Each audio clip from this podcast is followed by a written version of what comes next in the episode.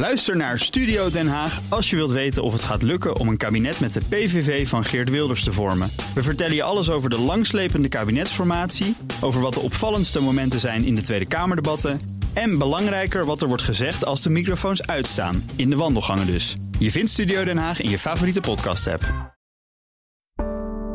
Een goedemorgen van het FD. Ik ben Hella Huk en het is donderdag 7 juli.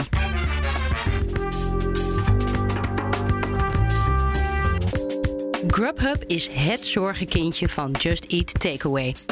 De Amazon-gebruiker moet nu de omzet helpen stijgen. Als je daar een paar van af en toe kan laten bestellen, dan groeit die omzet, groeit de bestellingen van Grubhub weer. En dan is één van de problemen in ieder geval in potentie opgelost. Het kabinet wil de BTW op groente en fruit afschaffen. Hoe effectief dat is, hangt af van waar de besparing terechtkomt. Maar als de consument het niet merkt bij de kassa, ja, dan schieten we er niks mee op. Dit is de dagkoers van het FD. Grubhub heeft een pact gesloten met Amazon. Moederbedrijf Just Eat Takeaway hoopt zo van Grubhub een succes te maken in Amerika. Jan Braaksma volgt eh, Just Eat al, uh, al langer. Vertel eens, hoe ziet die deal eruit? Het, uh, ja, heel, heel kort gezegd komt erop neer dat alle klanten van Amazon Prime, dus de betaalde dienst van Amazon, waarmee je ook tv kan kijken en nog wat meer van dat soort dingen, gratis een eten kunnen laten bezorgen door Grubhub. Oh, dat is een hele korte versie. Dus je kijkt een filmpje via Amazon Prime, je bestelt nog een, uh, een pizzaatje en dan heb je geen bezorgkosten die ook in Amerika natuurlijk een paar, altijd een paar dollar zijn. Ja, precies. Net als hier, als je wat laat, uh, laat brengen door zo'n courier, dan zit er meestal, betaal je daar iets voor, maar uh, in dit geval heb je een soort package deal en krijg je dus ze gratis. Je moet natuurlijk wel voor het eten betalen, maar niet voor de bezorging. Ja, ja. precies. Um, nou was Grubhub al heel lang een zorgenkindje van Just Eat Takeaway. Ja. Um, is dat dan nu opgelost? Nee, zo makkelijk is het niet. Want ze zijn pas sinds vorig jaar eigenlijk echt eigenaar van, van Grubhub. Um, maar ja, toen, toen begon het al slecht. Er waren allerlei uh, Amerikaanse staten die uh, maximumtarieven op de bezorging hebben gezet. Dus restaurants betalen een bedrag aan Grubhub om hun eten daar te laten bezorgen door het bedrijf en door om, om aangesloten te zijn op dat platform. Tijdens de pandemie hebben best wel wat Amerikaanse staten gezegd. Nou, om die, te voorkomen dat die restaurants echt heel erg worden uitgeknepen. Want die moesten ook allemaal dicht. En, en eten laten bezorgen was het enige alternatief. Hebben die een maximumtarief geïntroduceerd. Dus ja, dat kost Grubhub heel veel omzet. Het kost ongeveer 200 miljoen euro per jaar. Ja, die tarieven blijven gewoon nog van kracht voorlopig. Dus ja, dat blijft nog. En ook, uh, uh, ze moeten nog steeds het uitvechten tegen de concurrentie. Dus DoorDash is bijvoorbeeld een grote concurrent in de VS. Die zijn naar de beurs gegaan, hebben er heel veel geld op gehaald. Dus die zijn heel erg hard bezig. Uber Eats is daar uh, flink aan de weg aan het timmeren. Dus ja, die problemen zijn er nog. Maar het probleem dat ze niet meer zo hard groeien, dat is in potentie hiermee opgelost. Want Amazon Prime heeft meer dan 100 miljoen klanten in de VS. Gigantisch. Dus ja, als je daar een paar van kan, hè, een klein percentage af en toe kan laten bestellen, dan groeit die omzet, groeit de bestellingen van Grubhub weer. En dan is één van de problemen in ieder geval in potentie opgelost. Ja, Jitse Groenman dan, moet dan een beetje opgelucht zijn, lijkt me. Want uh, er waren wel morrende aandeelhouders. En die zeiden ook: verkoop die hele hut maar, dat, dat Grubhub. Ja. Dat, dat gaat dus niet verkocht worden met deze Amazon-deal. Nee, het gaat niet aan Amazon verkocht worden. Wel kan Amazon een deel van de aandelen in Grubhub krijgen. Dat is afhankelijk van hoeveel klanten zij ja, over het Grubhub-platform weten, weten te loodsen. Dus als zij heel goed hun best doen, krijgen zij er aandelen voor. Dus dat is ook een. Amazon een, kan zich ineten. Precies, ja. ja, een beetje ja, de metafoor ja, te ja, ja, precies. En dat, dat heeft bijvoorbeeld eBay heeft en, en Adyen hebben ooit ook zo'n deal gesloten. Wat in potentie heel erg lucratief is. Hè? Want als het heel goed gaat, worden die aandelen veel waard. Nou, ben jij spekkoper als, als Amazon. Maar ondertussen staat het bedrijf nog steeds te koop. Uh, Grubhub staat nog steeds te koop. Dat werd ook in het persbericht dat verstuurd werd over deze deal gezegd. We zijn nog steeds met onze adviseurs op zoek naar iemand die het helemaal wil kopen of een minderheidsbelang wil kopen. Maar dat schiet niet erg op. Nou, misschien is zo'n deal met Amazon een, een mooie, uh, mooie kers op de taart als je het wil, uh, wil gaan verkopen.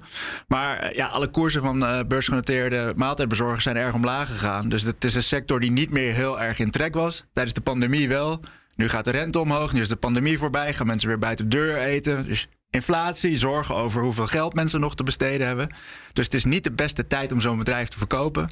Maar ze blijven het toch proberen. Ja, maar beleggers waren razend enthousiast. Ja, klopt. En dat mocht ook wel een keer hoor. Want die koers van uh, Just Eat Takeaway is uh, uh, bijna 70% lager dan aan het begin van het jaar.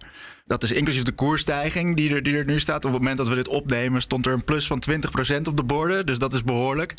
Maar goed, als je er sinds 1 januari in zit, sta je nog steeds zwaar onder water. Dus die aandeelhouders zijn inderdaad heel erg opgelucht. Het, ze zaten al een hele tijd hier tegenaan te hikken van wat gaat, wanneer gaat er nou een keer iets gebeuren om dat grip-up nieuw leven in te blazen.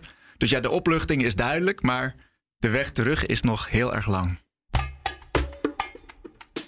Het kabinet wil binnen twee jaar de BTW op groente en fruit afschaffen. Maar er is nog wel discussie wat er onder dat nultarief gaat vallen.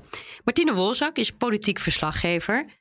Laten we eens beginnen bij Martine. Wat kost deze maatregel? Het is vooral, het gaat minder opleveren. Dus uh, worst case, uh, tenminste dat is de, de beetje natte vingerwerk vanuit uh, financiën, is ongeveer een miljard minder aan btw-inkomsten.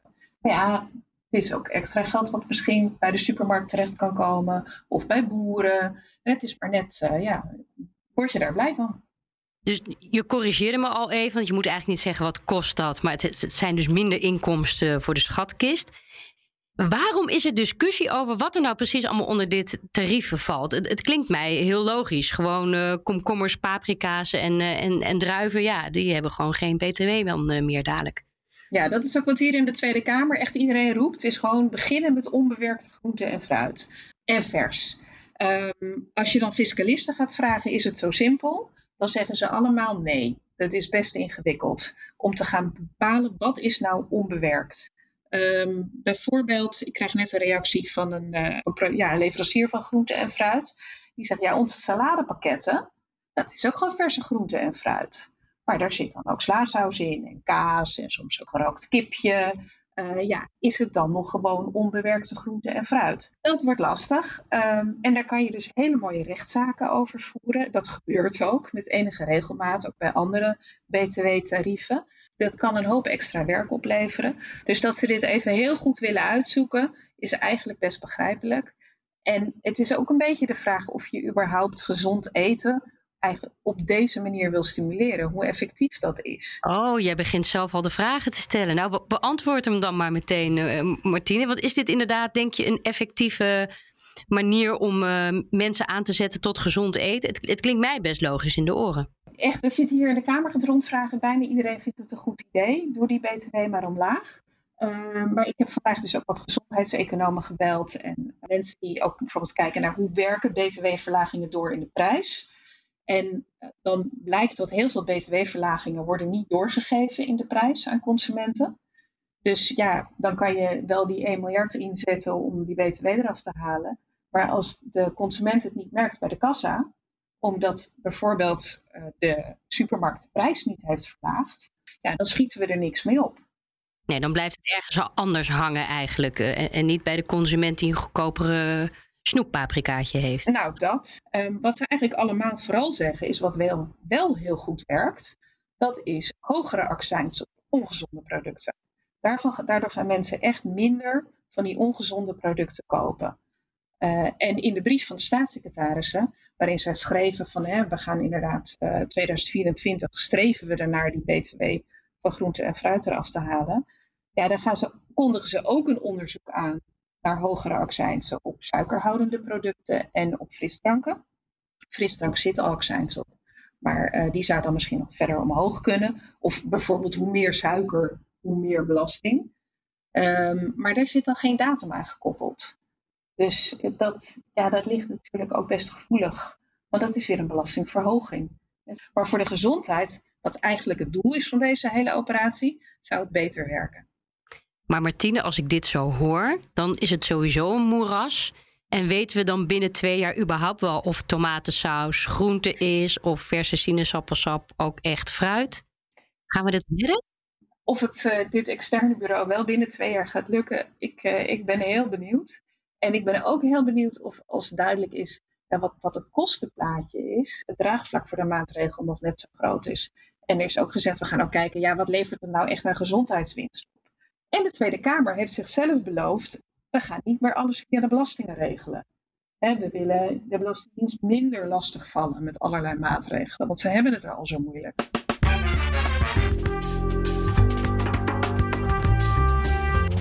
Dit was de dagkoers van het FD. We zijn er elke werkdag, dus morgenochtend staan we weer voor je klaar. Ondertussen kun je alles lezen over Grubhub en Just Eat Takeaway en over de btw-verlaging op groente en fruit op fd.nl. En daar volg je ook het laatste financieel-economisch nieuws. Voor nu een hele fijne dag en graag tot morgen.